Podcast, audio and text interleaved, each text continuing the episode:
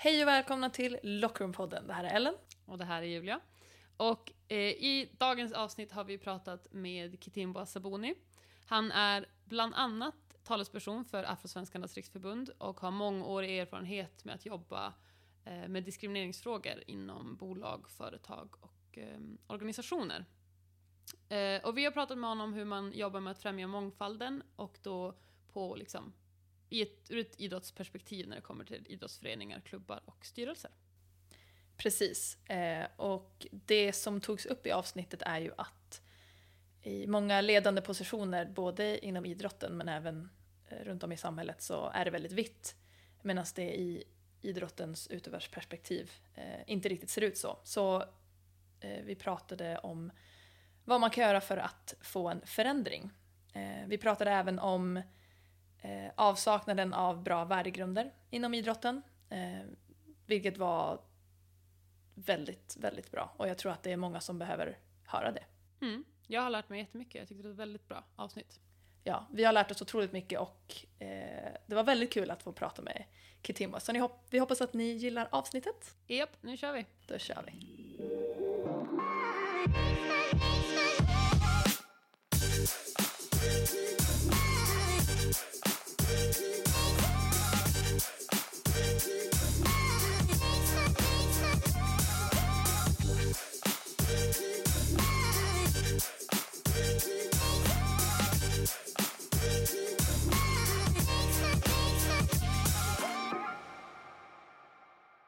Hej och välkommen till Lockroom-podden Kitimbo Sabuni. Tack så mycket. Väldigt glad att få vara med. Jättekul att få ha dig här. Vi är väldigt taggade. Men innan vi börjar med frågorna kanske du kan berätta lite om dig själv och vad du jobbar med. Ja, jag har arbetat eh, som organisationsutvecklare med inriktning på lika behandling och inkludering. Det innebär att jag stödjer organisationer i olika processer som ska leda till att de bli mer inkluderande och att man förebygger diskriminering. Jag ska säga att jag har speciellt gjort det här med avseende på diskrimineringsgrunden etnisk tillhörighet som ska förstås i Sverige som nationellt eller etniskt ursprung, hudfärg eller andra liknande förhållanden. Förutom det så har jag varit engagerad länge i en organisation som heter Afrosvenskarnas riksorganisation eh, som bevakar, vi både samlar och bevakar intressena för svenskar med afrikansk bakgrund, eller enkelt uttryckt svarta svenskar. Och du har ju väldigt lång erfarenhet av att jobba som organisationskonsult, som du nämnde, med inriktning på lika behandling och inkludering. Kan du berätta mer om hur det arbetet ser ut? Egentligen handlar det om att försöka få till ett systematiskt arbete för att nå vissa mål. Man måste definiera vad är det vi vill med det här arbetet. Tyvärr skulle jag säga att när det gäller frågor som rör eh, lika behandling, eh, som rör motverkan av diskriminering, så hamnar det i ett fält som man kallar värdegrundsfrågor, där man nöjer sig med att eh, värderingssignalera de rätta sakerna. Man kan ha jättetjusiga deklarationer. Vi ska vara en organisation fri från diskriminering, där alla känner sig trygga, där alla kan utvecklas. Det är jättebra om man börjar så, men man nöjer sig ofta med det. Man definierar inte ens vad det betyder att vara den typen av organisation där alla känner sig trygga, där alla kan utvecklas, där alla kan vara med. Så till att börja med handlar det arbetet om att försöka bena ut den här idén eller visionen ni har. Vad skulle det innebära i praktiken så vi kan sätta mål för det här arbetet? Och sen så är det helt enkelt att titta på var befinner man sig nu? Vad har vi för nuläge? Man måste göra en kartläggning av något slag eh, för att kunna säga vad är det som behöver förändras. Det är också någonstans där jag tycker det brister ganska mycket. Eh, de insatser som organisationen gärna gör kommer helt spontant. Vi tar en utbildning kanske, eller eh, vi ser på en film, eller ja, det kan vara vad som helst. Och det behöver inte vara något fel i det, men man måste veta vad är det den här åtgärden ska åstadkomma så att vi närmar oss de här målen. Så att eh, det handlar egentligen om att försöka få till en systematik och ett målstyrt arbete där de aktiviteter man har strävar mot någonting som sen också går att utvärdera om man har nått upp till det. Egentligen som all annan organisationsutveckling eller vad det nu kan vara för mål man vill uppnå. Så vi måste, det handlar helt enkelt om att få bort det här arbetet från den här enbart eh, deklarationer eh, området någonstans. Så ska man kunna säga. Vad är det då som är de största utmaningarna oftast för organisationer? Ja, det är flera stycken förstås. Eh, en utmaning handlar om att jag tänker ju speciellt på det jag arbetar med. Eh, och jag arbetar framförallt längs diskrimineringsgrunden etnisk tillhörighet, hudfärg och etnicitet. Och att till att börja med vara beredda att diskutera vad har de här diskrimineringsgrunderna, eller vad har de här maktordningarna för betydelse i vår organisation? Eh, hur påverkar de organisationen och gör att människor har olika förutsättningar kopplat till deras hudfärg etnicitet, alltså hur de rasifieras. Det är någonting som jag tycker att man i många organisationer, alltså de frågorna är man inte ens beredd att ställa sig. Eh, det brukar heta när man gör det att nej, men vi, ska inte, vi ska inte dela upp oss. Vi ska inte eh, splittra oss, vi ska ena oss. Det känner inte jag igen från andra diskrimineringsgrunder. När man jobbar med jämställdhet i organisationen så är det till och med lag på att man ska dela upp sig. Man ska göra lönekartläggningar och de ska vara binära. Det handlar om män och kvinnor utifrån våra personnummer så tittar man på de olika förutsättningarna. Man sätter ofta mål kring män respektive kvinnor. Eh, I eh, arbetsplatsundersökningar, medarbetarundersökningar och liknande slag så har man bakgrundsfrågor för att kunna göra jämförelser för män respektive kvinnor. Ofta för människor som identifierar sig på andra sätt också för den delen. Det är någonting man vill komma till rätta med för att sen säga att det här behöver vi förändra, det här behöver vi jobba med. Speciellt i en pågående diskussion om män, kvinnor och människor som definierar sig på andra sätt. Men eh, när det gäller då funktioner som, eller kategorier som hudfärg eller ras om man så vill, etnicitet, det finns ju inte ens något sådant samtal i organisationen. Det finns inga definitioner om vem som skulle vara vad och, och vad det har för eh, effekter på den. Och det tror jag är, är det är till att börja med eh, det som gör att det här, att det inte ens kommer igång någonting. Nu går jag bara lite off script här, men jag tänker i, i Sverige så känns det inte som att vi jobbar jättemycket med liksom jämlikhetsdata och det du pratar om är liksom att kartlägga. Eh, för när jag var i USA så är det, där är det väldigt tydligt, det finns mycket statistik liksom med allt, medan i Sverige så känns det som att, som du säger, att man inte vill liksom dividera folk. Men då får man ju inte heller upp någon statistik på hur, hur det ser ut i, i verkligheten. Ja, men absolut. Alltså, jag kan säga så här, man kan ha olika syn på det här. Man kan tycka att när man eh, vill leda processer och nå vissa mål så ska man göra det utan något kunskapsunderlag om var man befinner sig, eh, utan någon möjlighet att utvärdera hur långt man har kommit eh, det räcker med goda föresatser, sen kör vi liksom och bara gör grejer. Jag är helt okej okay med det om man tror på det. Vad jag har problem med, det är att vi i Sverige inte verkar tro på det. För alla andra saker, utom när det kommer till jämlikhet kopplat till hudfärg och etnicitet. Så som jag sa, eh, alltså Sverige som land är kanske ett av de länderna som har mest statistik på sin befolkning. Eh, I våra organisationer har vi massor av statistik på människor Eh, på till exempel kön och eh, ålder, så vidare, sånt som man kan härleda med hjälp av personnumret. Och vi följer upp det ordentligt. Och jag tror att det är en av anledningarna till att Sverige anses vara ett land som har kommit ganska långt i sitt arbete med jämställdhet, till exempel i arbetslivet och så vidare. Men just när det kommer till den här diskrimineringsgrunden, det är då de här uh, säga, mentala tankebanorna startar. När man säger, nu ska vi jobba på det här sättet med den här diskrimineringsgrunden också. Nej, vi ska inte dela upp oss. Alltså, varför säger du det just nu? Det är det man måste fråga sig, för det är det jag tycker är intressant. För att, alltså, om man tycker det är ett bra argument, vi ska inte dela upp oss, fine, men då måste man ju tycka det hela tiden. Annars måste man fråga sig själv, varför kommer den här tanken till mitt huvud just nu? Så att, eh, nej, jag tror ju inte att det, att det fungerar att ta vissa diskrimineringsgrunder och säga ja, absolut, här ska vi ha data, här ska vi jobba evidensbaserat, här ska vi kunna jobba med målsättningar och så vidare. Och så ta andra diskrimineringsgrunder och säga nej, men där kan vi inte göra det, för då delar vi upp oss. Jag köper inte det. Eh, och min erfarenhet av att jag jobbat inom det här fältet i två decennier säger mig att, att det inte leder till resultat. Vad är den förändringen du har sett ske när du har jobbat med organisationer med det här?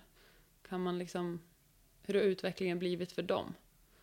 under arbetets gång? Jag tror att vissa förändringar är mer en produkt av en samhällsutveckling som många inte ens är fullt medvetna om. Eh, Sverige är antagligen det land, det västerländska land, eh, förutom eh, USA, som har mest eh, mångfald sett till etnicitet och hudfärg. Det här är saker som har hänt som ett resultat av migration framför allt, men en utveckling som har skett de senaste 30-40 åren i Sverige. Eh, men man ska komma ihåg att långt ifrån alla svenskar som inte är vita är människor som har migrerat till det här landet heller. Eh, men poängen är i alla fall den att när eh, det ser ut så här i ett samhälle, ja, då kommer vita människor, och jag pratar om vita människor här för det är en intressant grupp som den normbärande gruppen kopplat till hudfärg, och andra människor i större och större utsträckning att ha interaktioner med varandra på något sätt. Det händer även i organisationer och då kommer vissa frågor upp till ytan som inte har varit där tidigare. Med det sagt så är Sverige ett land som är väldigt hårt segregerat. Det kan vi se både till boendet men också till hur vår arbetsmarknad fungerar. Och jag skulle väl kunna tro att det här även gäller idrottsrörelsen på många sätt och vis också, som vi kommer att komma in på. Eh, så eh, det finns ju mycket kvar att göra och det som jag saknar, den utvecklingen jag saknar, för vi har ett visst samtal nu som ett resultat av vissa verkligheter. När det finns människor som inte är vita på plats i samhället, i kulturen, så bör man få samtal om liksom, meningen, vithetens mening, diskrimineringsfrågor och så vidare. Men när det kommer till hur organisationer arbetar med de här frågorna, där tycker jag inte mig ha sett samma eh, utveckling. Och det går ju tillbaka på saker som vi kommer kunna prata om, men det handlar väldigt mycket om att ett arbete för att främja jämlikhet och inkludering kopplat till etnicitet och hudfärg eh, som är mer än bara ett symboliskt åtagande, utan ett institutionellt åtagande handlar om att man börjar ifrågasätta hur man gör saker. Eh, att man tänker sig att i det normala, i våra rutiner för rekrytering eller befordran eller hur liksom, klimatet i den här organisationen och så vidare, så premierar vi kanske en grupp över andra. Att vita personer som normgrupp har väldigt många fördelar här. Alltså måste vi börja ifrågasätta det vi gör, våra regler, våra praktiker och förändra dem. Och det, det steget är man inte beredd att ta. Man vill gärna tro att diskriminering är en funktion av att när någon gör någonting som är utanför ramarna. Du vet den här klassiska idén att du, du får en ansökan då och så ser du ett namn och så usch, nej, och så kastar du den i papperskorgen åt sidan. Det är liksom föreställningen om hur diskriminering fungerar och inte att det är någonting som är inbäddat i våra normaliserade vardagliga rutiner. Så att, eh, ja, det tror jag är en riktig utmaning för, för många. Vad är det vanligaste som organisationer och företag behöver hjälp med? Är det vanligaste när man vänder sig till någon som mig att man har en kris eh, att, att ta itu med. Det kan vara en PR-kris, eh, typ det har hänt någonting som gör att organisationen framstår i dålig dager kopplat till eh, diskriminering eller kränkningar av människor eh, som rasifieras som icke-vita. Det, det är ganska typiskt. Och eh, det är inget fel att vilja agera när någonting kommer till en kännedom, men ofta för mig, de sakerna som man då vill eh, agera mot eller, eller fixa skadan kring snarare i det offentliga, det är kanske saker som egentligen är ganska vardagliga eh, och som nog gäller för många, många andra företag och organisationer också. Men just ni har blivit uppmärksammade i media och fått ett problem med det. Då så här, det, det, det, kan jag tycka är ett problem, för det skapar sig en idé om, åh gud, se på dem. Eh, jag, jag drar mig till minnes här eh, för något par år sedan så var det någon form av skandal kring Hennes Maurits där ett tv-program hade skickat två kvinnor, en vit och en svart kvinna, för att byta kläder utan kvitto. Och eh, den vita kvinnan hade fått göra det i alla tolv butiker de besökte, men den svarta kvinnan fick inte göra det i fyra av de här butikerna för mig är det, som man säger, det är normal. Liksom. Det är väl, alltså att vithet ger, som man säger på engelska, the benefit of the doubt. Alltså att du kan antas ha rent mjöl i påsen, även om du inte har något kvitto så får du byta. Men att människor som inte är vita, det gäller ju inte bara på Hennes och Maurits, det gäller ju överallt i det här samhället. Det gäller när du vill ta ett banklån, det gäller när du vill hyra en lägenhet i andra hand och så vidare. Och så vidare. Men då framställer man det som en, som, en, som en grej. Jag säger inte att jag jobbade med H&M då, men jag vet att H&M gick in i krishantering sådana där grejer. Eller att man har en situation på en arbetsplats där man har en konflikt eh, mellan en eller flera rasifierade personer och organisationen som stort och man tänker det här, nu måste vi göra någonting. Någon kanske sagt att vi måste kalla in någon som kan hjälpa oss att medla, diskutera, driva det här arbetet. Och jag ska säga att ett problem med det, det är att ett arbete med att främja jämlikhet och inkludering, eh, det är ingenting man sätter på plats för att lösa en pågående eh, situation, en incident eller ett ärende med någon medarbetare. Det här handlar om att förändra organisationen så att den fungerar bättre på sikt. Eh, så att eh, det kan bli det kan bli väldigt problematiskt och det kan ta mycket syre och energi från den processen att det kommer att handla om den här incidenten, den här grejen. Och tyvärr kanske om ledningen också ser det som att ja, men, vi tar in det här arbetet nu så att den här situationen, den här incidenten löser sig. De har inte förstått någonting. Jag kan ju säga så här, att när man börjar arbeta på ett seriöst sätt med jämlikhet och inkludering kopplat till hudfärg eller etnicitet, då kommer en massa saker upp till ytan som innan de vita medarbetarna i organisationen i alla fall inte har behövt förhålla sig till och hantera. Det har inte behövt vara en del av deras verklighet. Det har varit de som drabbas av rasism, de rasifierades Eh, personliga problem. Och det bästa man kan göra i en organisation som präglas av vithet, och vi kan gå in på vad vithet betyder, men att vita personer säger perspektiv, prioriteringar är, eh, är det som liksom eh, strukturerar organisationen. Det är det som gör, utgör samtalsämnet, det är det som utgör liksom, vad är det vi behöver förhålla oss till. Eh, det bästa du kan göra i en sån situation är ofta att vara tyst med dina bekymmer. Men nu så uppmanas man att lyfta de här frågorna och då kommer ju nya konfliktytor, nya diskussioner. Det kan vara väldigt sårigt, en ganska tuff process. Det förstår inte många. De tror att det här ska vara förlösande. De tror att det ska vara som en scen vad vet jag, Döda poeters sällskap eller någon sån här film där alla bara pratar och, och gråter och sen älskar varandra. Eller, jag vet inte vad det är. Men tyvärr, det är, det är en större utmaning än så. Hur vanligt är det att företag eh, förstår behovet av att fortsätta jobba för att skapa långsiktighet och inte bara ta hjälp under själva krishanteringen utan att det faktiskt fortsätter vidare sen? Uh, ja, det är svårt att sätta en siffra på mm, det. det förstår jag. men, men jag, jag, kan säga någonting om min erfarenhet och, och vad jag tror. Alltså man måste förstå att eh, det finns alltid en institutionell tröghet i organisationer. Eh, det, det som man kallar då institutioner, eh, etablerade praktiker, eh, invanda rutiner, instruktioner för hur man ska göra saker, olika regelverk och så vidare det är ju sånt som har kommit till för att man har fattat beslut någon gång i historien att så här gör vi, så här gör vi, så här gör vi, så här gör vi, så här gör vi, så att man slipper ta de besluten varje gång på nytt. Så det är ganska bekvämt att ha. Många är också ganska investerade i dem, för man tror på dem. Det, det här är oss, vi är en bra organisation, vi har bra institutioner, vi har bra rutiner, vi har bra praktiker.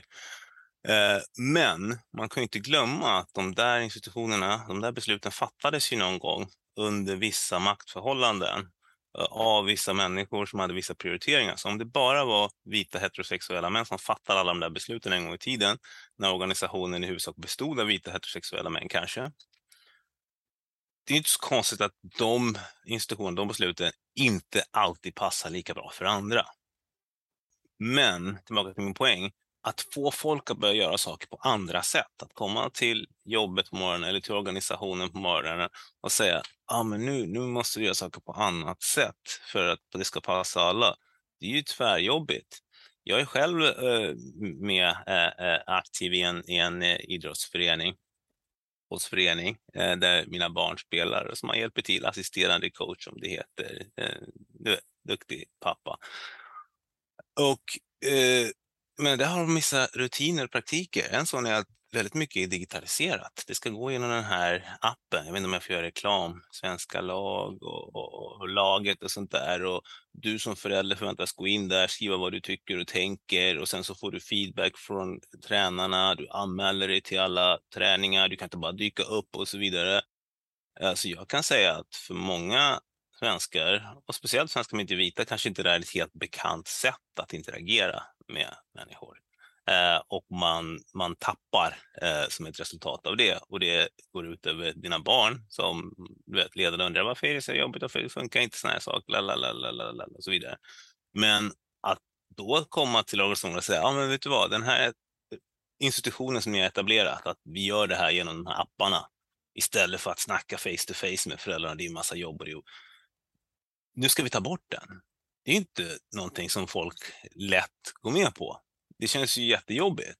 Så att eh, väldigt många saker kan ha olika sidoeffekter som fungerar begränsande eller säg diskriminerande till och med mot grupper kopplat till etnicitet hudfärg.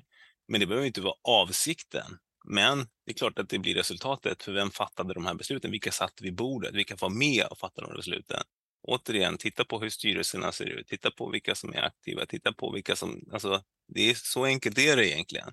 Så det är ett stort arbete. Det har, och därför brukar jag säga att liksom primärt, även om rasism är ett system som har satts på plats och fungerar på ett sådant sätt att det leder till att mer resurser allokeras till människor som bedöms som vita än till människor som bedöms som icke-vita, så betyder inte det att alla som verkar inom det systemet, och det gör alla människor, vare sig du är vit eller icke-vit, på olika sätt och försöker navigera det, eh, behöver ha de här avsikterna, eh, det som man kallar rasistiska avsikter, för att vara med och verka på sätt som leder till rasistiska utfall. Eh, men man vill gärna tro att det är så enkelt som att ska vi hitta rasisterna, de dåliga, eh, och få bort dem, och vi kan inte ha något problem med rasism i vår organisation, för vi är inte rasister. Vi tycker inte att människor är sämre än oss. Förstår du vad jag menar? Eh, så den här självbilden ibland av att vi inte är rasister gör att man inte är beredd att ställa sig de frågorna kring hur ras och rasism verkar i den egna organisationen och begränsar vissa människor, för vi är inte rasister. Så det, ja, ni ser ju hur rasism har verkligen ett självupprätthållande system också. Den här säsongen sponsras Lockerroom-podden av Rain Total Body Fuel. Rain är ett innovativt och smakrikt energidrycksalternativ som hjälper atleter att prestera på sin topp. Och vi eh, är ju väldigt specifika och noggranna med vilka vi gör samarbeten med och eh, därför kändes det naturligt och självklart att ha med Rain på vårt poddtåg. Precis. Och förutom att Rain delar våra värderingar så gillar vi även att de jobbar mycket med storytelling. Eh, precis som i vår podd så tar de även upp ämnen som kan vara lite svåra att prata om. Ja, så besök deras YouTube-kanal för att ta del av deras stories. Tack Rain! Tack!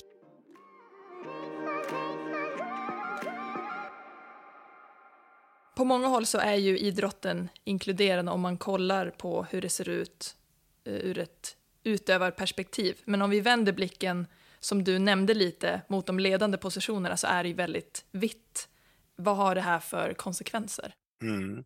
Jag var ju lite inne på det att eh, om det är vita personer som leder showen och fattar alla besluten så, kommer ju det någonstans ha till effekt att speciellt om de är oreflekterade kring sin egen vithet, sin egen position, sina egna perspektiv, eh, att de fattar beslut som fungerar begränsande för andra än icke-vita, eh, för andra än vita.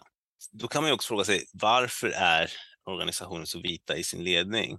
Ibland pratar man ju det finns ett fenomen som kallas homosocialitet, alltså Eh, en förmåga vi har att reproducera oss själva i organisationer, sådana som påminner oss själv, om oss själva, det är de som vi rekryterar in i organisationer. Delvis för att det är sådana vi har i våra nätverk och det är en naturlig rekryteringsväg, men också för att vi ser kvaliteter i dem. Vi ser oss själva, men den här är bra, den kommer passa in, in här och så vidare. Eh, och det betyder att om man ska bryta med den homosocialiteten så räcker det inte bara med att säga att ah, vi ska hitta de bästa. Vem definierar vilka det är? Det är ju vita personer, liksom. de mest passande och så vidare. Utan man måste kanske göra olika insatser för att ändra på det. Sen så finns det en annan sak som jag tycker är lite problematisk med just idrotten och det är att det finns en storytelling kring idrotten. Att idrotten är så inkluderande. För att inom idrotten är vi bara intresserade av, det spelar ingen roll vem du är, är du duktig så vill vi ha det i laget. Eh, vi vill ha de bästa spelarna och bla bla bla. Och ingen frågar sig hur folk blir bra spelare. Eh, vad är det man behöver gå igenom för att bli en bra spelare? Man kan ta det här exemplet som används ibland. Jag vet att de gjorde en, en studie i Kanada över vilka som spelar i NHL, alltså vilka som blir de bästa hockeyspelarna i Kanada och USA i, i den här hockeyherrligan i, i, i Nordamerika. Det visar sig att i den här draften när de liksom rekryterar nya spelare under de här 27 åren de gjorde studien, så var det eh, sannolikheten att en person var född i första kvartalet som draftades var 36 procent.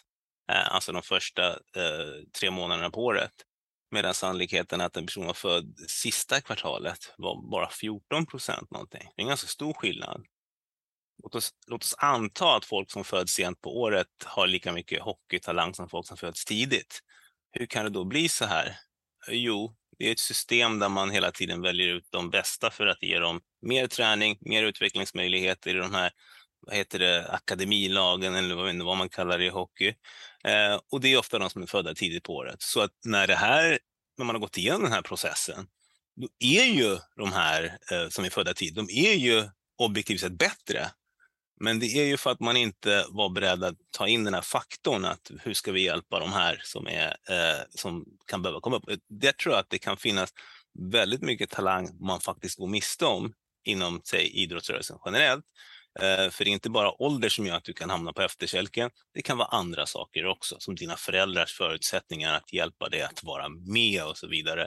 Det kan vara pengar, så du kanske behöver pengar för att hålla på med vissa Eh, sporter etc. etc, etc, etc. Och sen säger man ändå att nej, det enda vi tittar på det är vem som uh, är uh, duktig på uh, den här sporten. Ja, men vem har råd att köpa en hockeyutrustning liksom, till en unge som växer år efter år och så vidare. Det kan man fråga sig. Hur kan man jobba för en förändring här?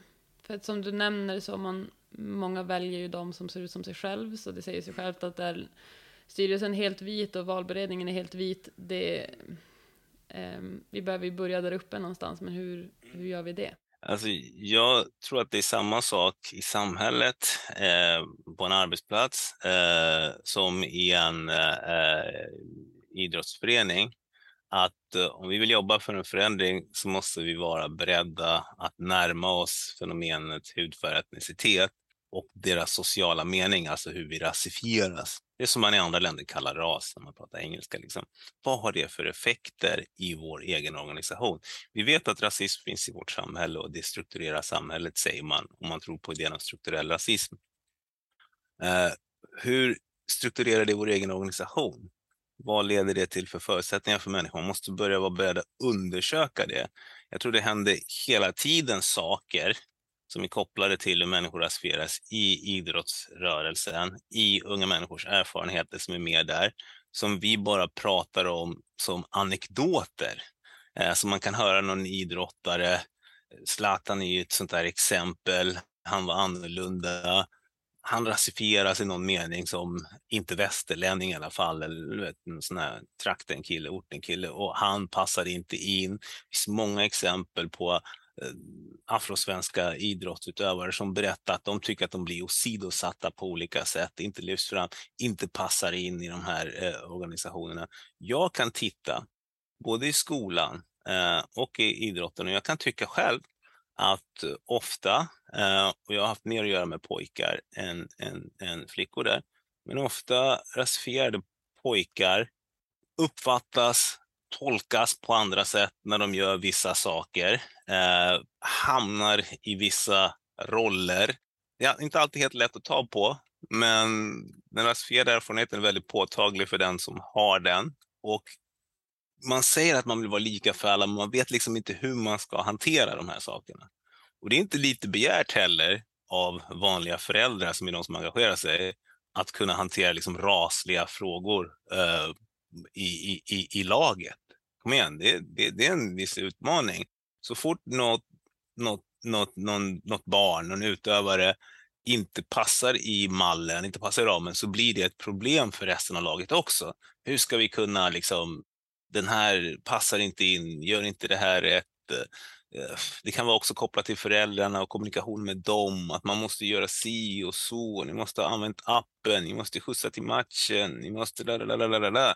Och det blir inte bra. Jag menar, de där sakerna, att ha liksom en tanke kring dem, strategier kring dem. Jag tycker det påminner lite om hur man har arbetat med genusfrågor i idrottsrörelsen faktiskt. Eller hur man nu börjar ta upp hbtqi-frågor och heteronormer i idrottsrörelsen. Man måste börja undersöka vad det har för effekter. Samtidigt kan jag tycka att man har speciellt svårt för eh, det här med eh, raslig hudfärg, just för att idrottsrörelsen har den här berättelsen om sig själv som så inkluderande och öppen, så vi behöver inte gå dit. Vi behöver bara vara idrottsrörelsen. Olympiska ringarna, alla är med. Liksom. Det här har ju varit en eh, diskussion inom svensk basket, att eh, många rasifierade har känt sig, precis som du berättar, eh, liksom känt att man inte blir behandlad på samma sätt. Man har en förutfattad mening om sig och liksom kan inte vända på den för att alla de coacherna eller de som liksom är i maktposition har de här förutfattade meningarna.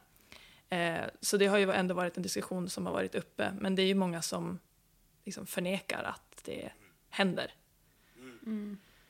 Det tycker jag man ser alltså nästan oavsett vars det är. Um, och du var ju inne på det tidigare, att man är, man är ovillig att ta i det för att då skulle man också behöva erkänna att man inte är um, perfekt egentligen. Mm. Så att det är som att man istället för att faktiskt syna sig själv och se att, det, att saker behöver förbättras så känner man att nej, det där är inte vi. Mm. Och gör vi ingenting så är vi ju klara.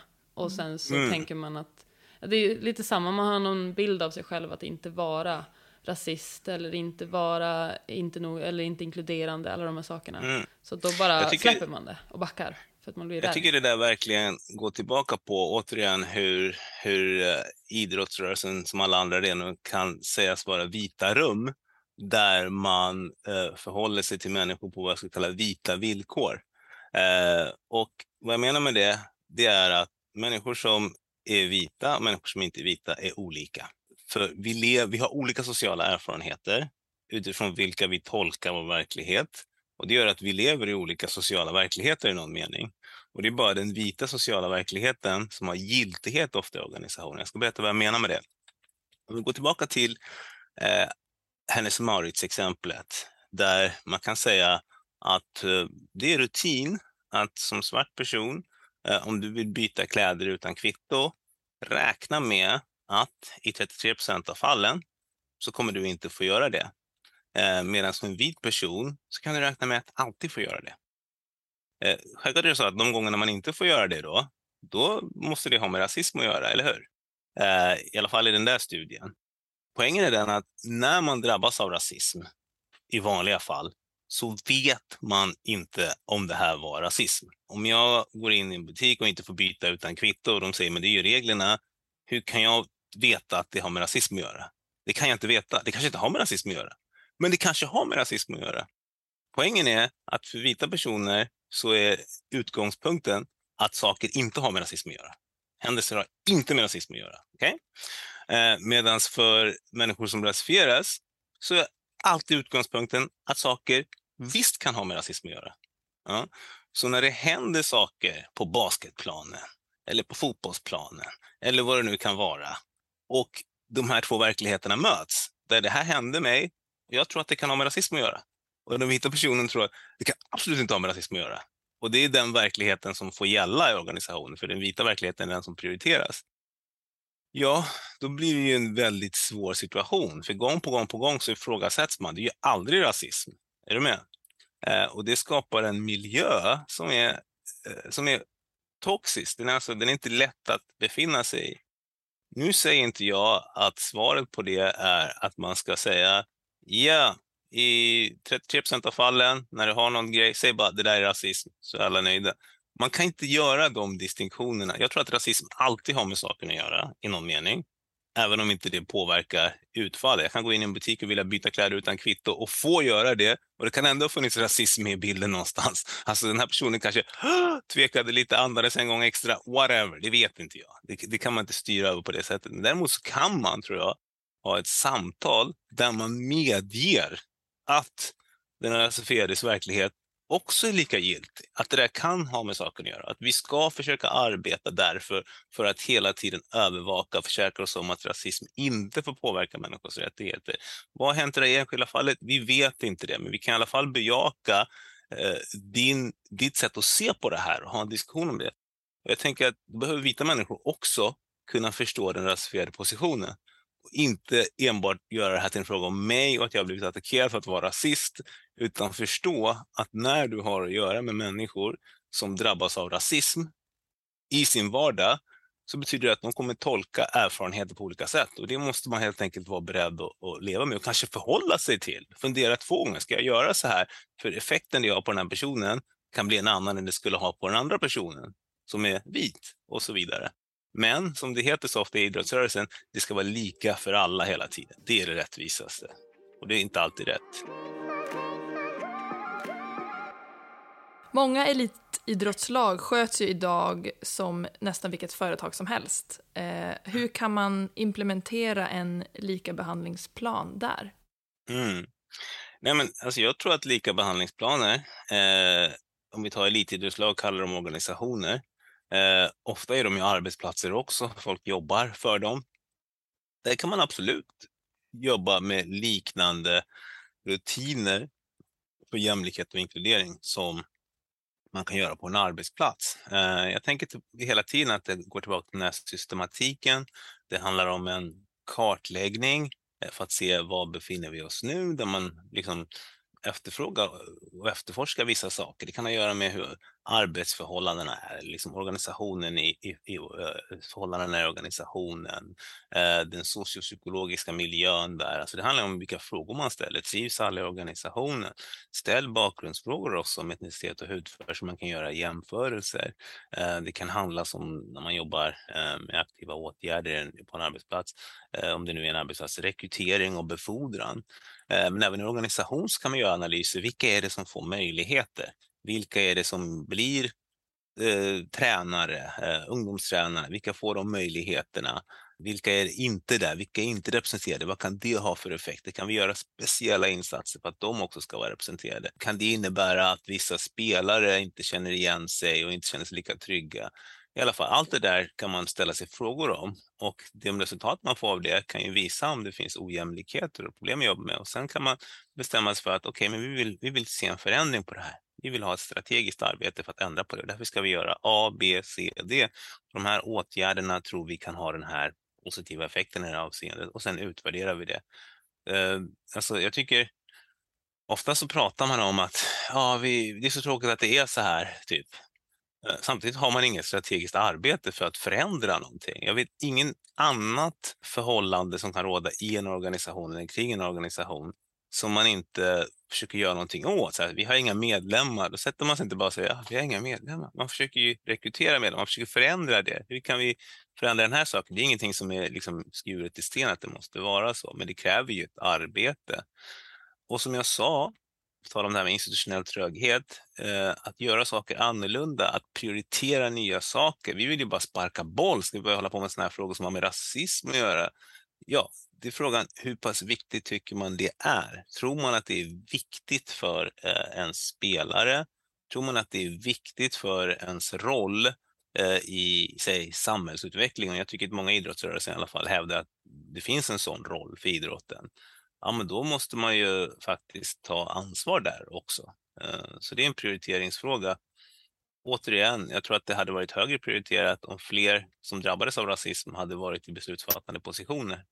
Ehm, men eh, förhoppningsvis så går vi ditåt. När fungerar faktiskt en värde, värdegrund? När är den inte bara det här dokumentet som du har för att man måste ha eller för att det ser bra ut eller man tar fram vid årsredovisningen? Liksom? Alltså värdegrunder är ofta rätt bra, alltså för att du kan ju hämta den på internet eh, som någon annan har och bara kopiera av den och bara det här är vår värdegrund. Så att, eh, Lägga in några mått... snygga ord här och så ja, ha, den, ha den på hemsidan. Så måttet på en värdegrund är kanske inte hur den låter utan hur den kommer till användning. Så att eh, jag tror att eh, ett mått man kan säga det är har vi avsatt tid för att jobba med den här värdegrunden? Att nå fram till den här värdegrunden? Har vi avsatt resurser för det? Eh, har man inte gjort det, och det är tyvärr väldigt ofta en verklighet att man inte har gjort det, eh, då, då är det ett mått på att den här värdegrunden inte håller för den här organisationen.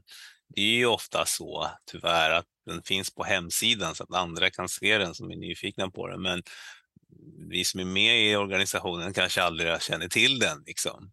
Och sen var tredje år så hittar man på en ny eh, och tycker att ja, nu har vi utvecklats, eh, vi har eh, nya formuleringar och fortfarande jobbar man inte mer. Så jag tror att måttet måste vara någonstans, hur mycket tid avsätter vi till den här?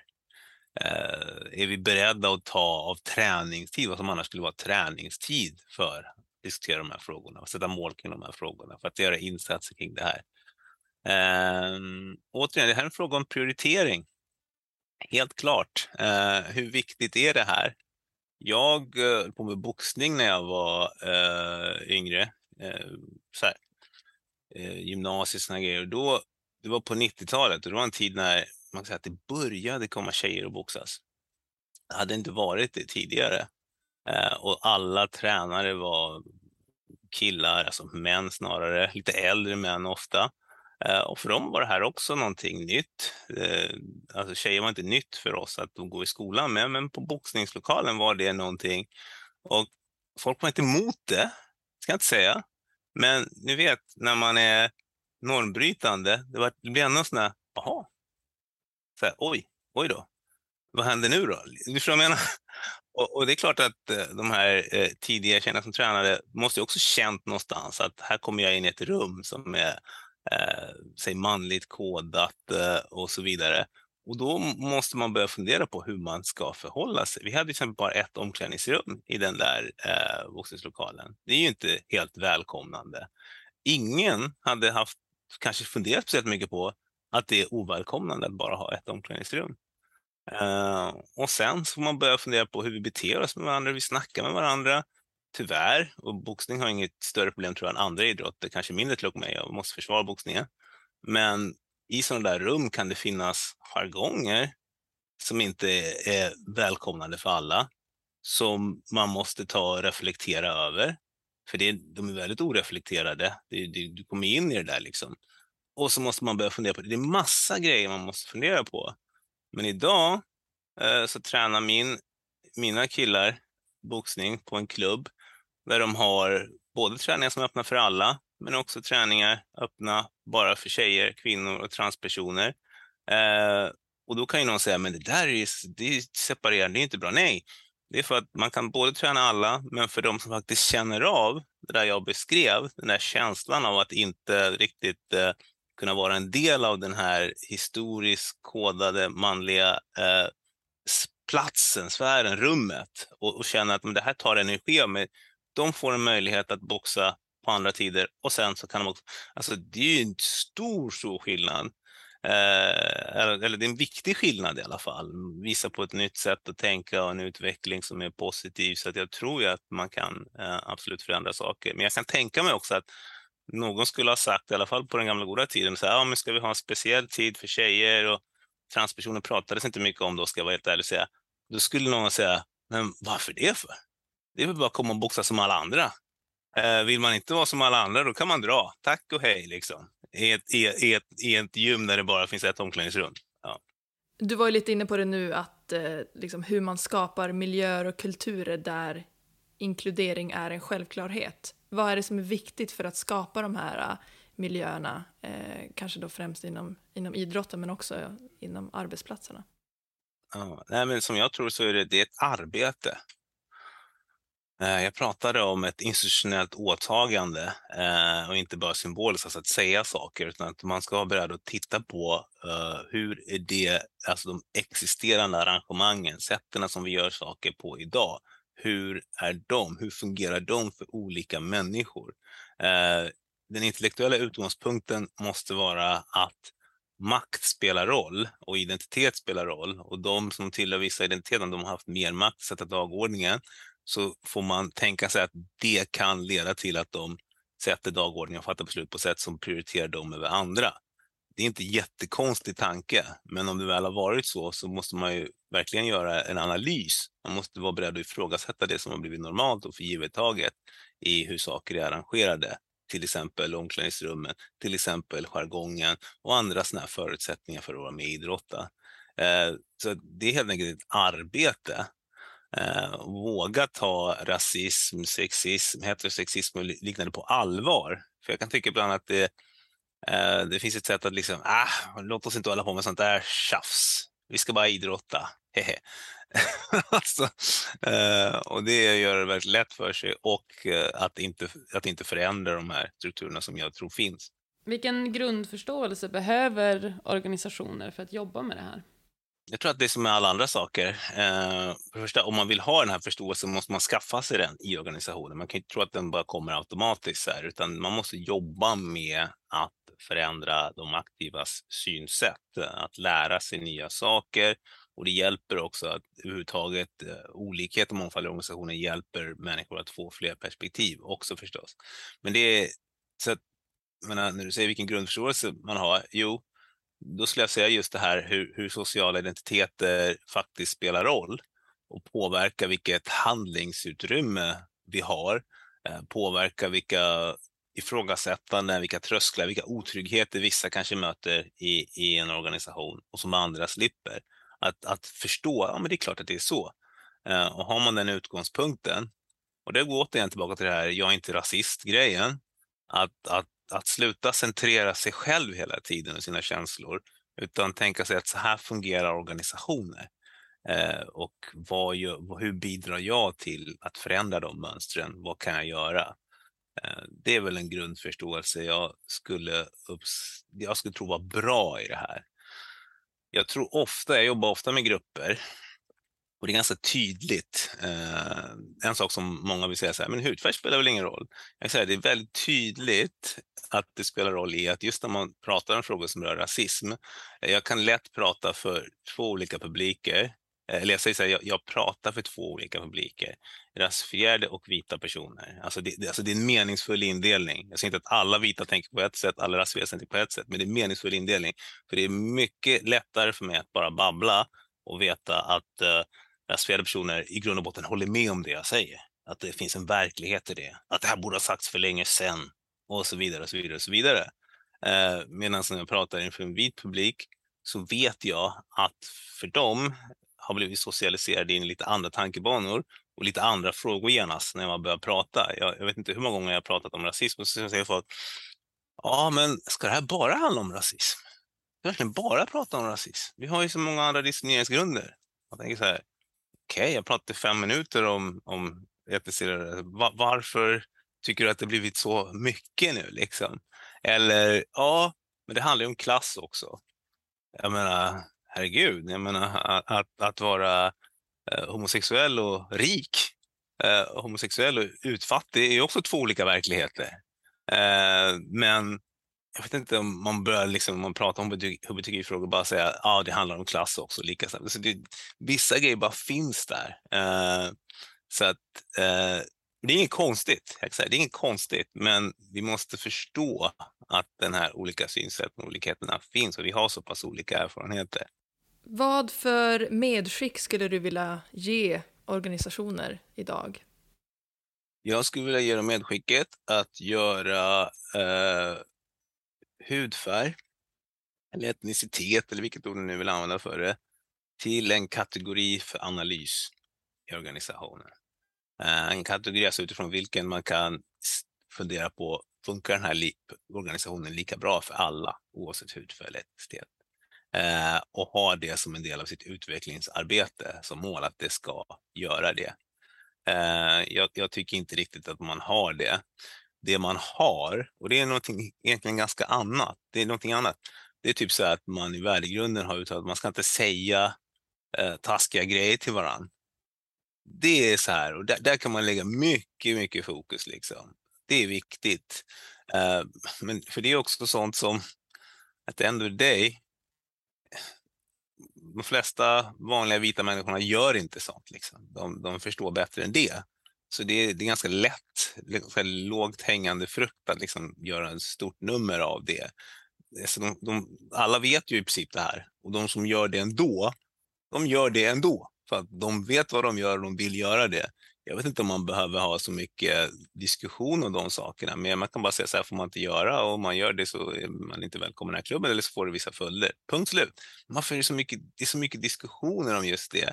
Medan det här senare, eller tidigare jag pratade om, som är något som går mycket djupare, eh, det vill man inte ens liksom beröra.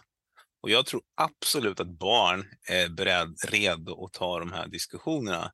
Eh, för precis som eh, barn blir, säger man, medvetna om sin könsidentitet vid ganska tidig ålder, alltså vi pratar om innan skolan börjar.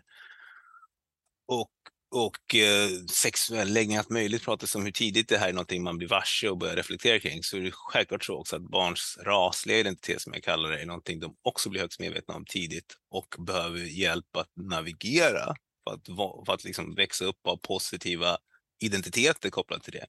Eh, och det tycker jag är alla vuxnas ansvar att kunna försöka hjälpa till med det eftersom det är så centralt för oss och inte, vilket kan vara väldigt kvävande, låtsas som att sånt inte spelar roll. Eh, för det är vad man gör liksom. Väldigt ofta. Bra avslutande ord tycker jag. Mm. Tusen, tusen tack för att du har gästat oss. Det har varit väldigt, väldigt lärorikt och viktigt framför allt. Väldigt kul att ha fått vara med. Väldigt stimulerande samtal och eh, jätteroligt att den här podden finns. Ja, tack. tack.